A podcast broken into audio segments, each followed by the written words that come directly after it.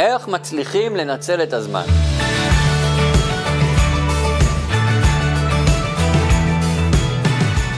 בדור שלנו יש תופעה מדהימה.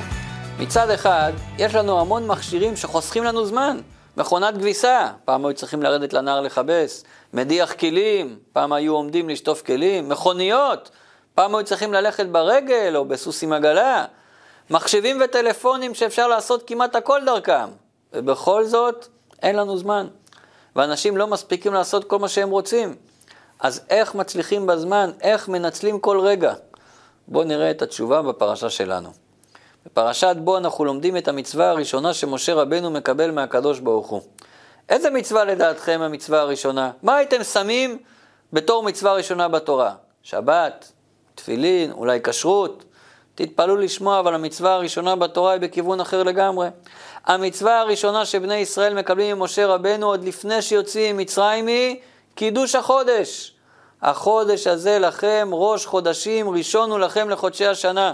היה אז חודש ניסן, והקדוש ברוך הוא מצווה את משה לקבוע לוח שנה, ובלוח השנה חודש ניסן הוא החודש הראשון, ובכל חודש צריך לקבוע ראש חודש לפי מולד הלבנה. אז למה זו המצווה הראשונה בתורה? מה מיוחד בה מכל המצוות? טוב, בפשטות כל אחד מבין שבלי שנדע את התאריך בחודש, לא נוכל לקיים את שאר המצוות. איך נדע מתי לחגור את ליל הסדר? איך נדע מתי אסור לאכול חמץ? איך נדע מתי ראש השנה, אם לא נדע מתי ראש חודש ניסן, מתי ראש חודש תשרי וכולי. אבל יש גם הסבר עמוק יותר. התורה ניתנה לנו כדי שנכניס קדושה בעולם. כל מצווה שאנחנו עושים מקדמת את המטרה הזאת. מצוות קידוש החודש מקדשת את הזמן. והמסר אלינו ברור. גם אנחנו, אם אנחנו רוצים לנצל את הזמן, צריך לקדש אותו, לייקר אותו. כי איך מצליחים לנצל כל יום?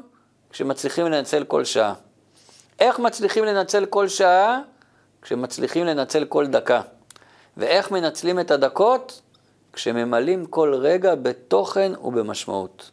כשלא נותנים לשום דבר להסיח לנו את הדעת, ומתרכזים במה שעושים כאן ועכשיו, ובאותו זמן שוכחים לגמרי מכל דבר אחר ממה שהיה לפני ומה שיהיה אחרי, אז מצליחים בזמן. אז שיהיה לכם בהצלחה בזמן ושבת שלום.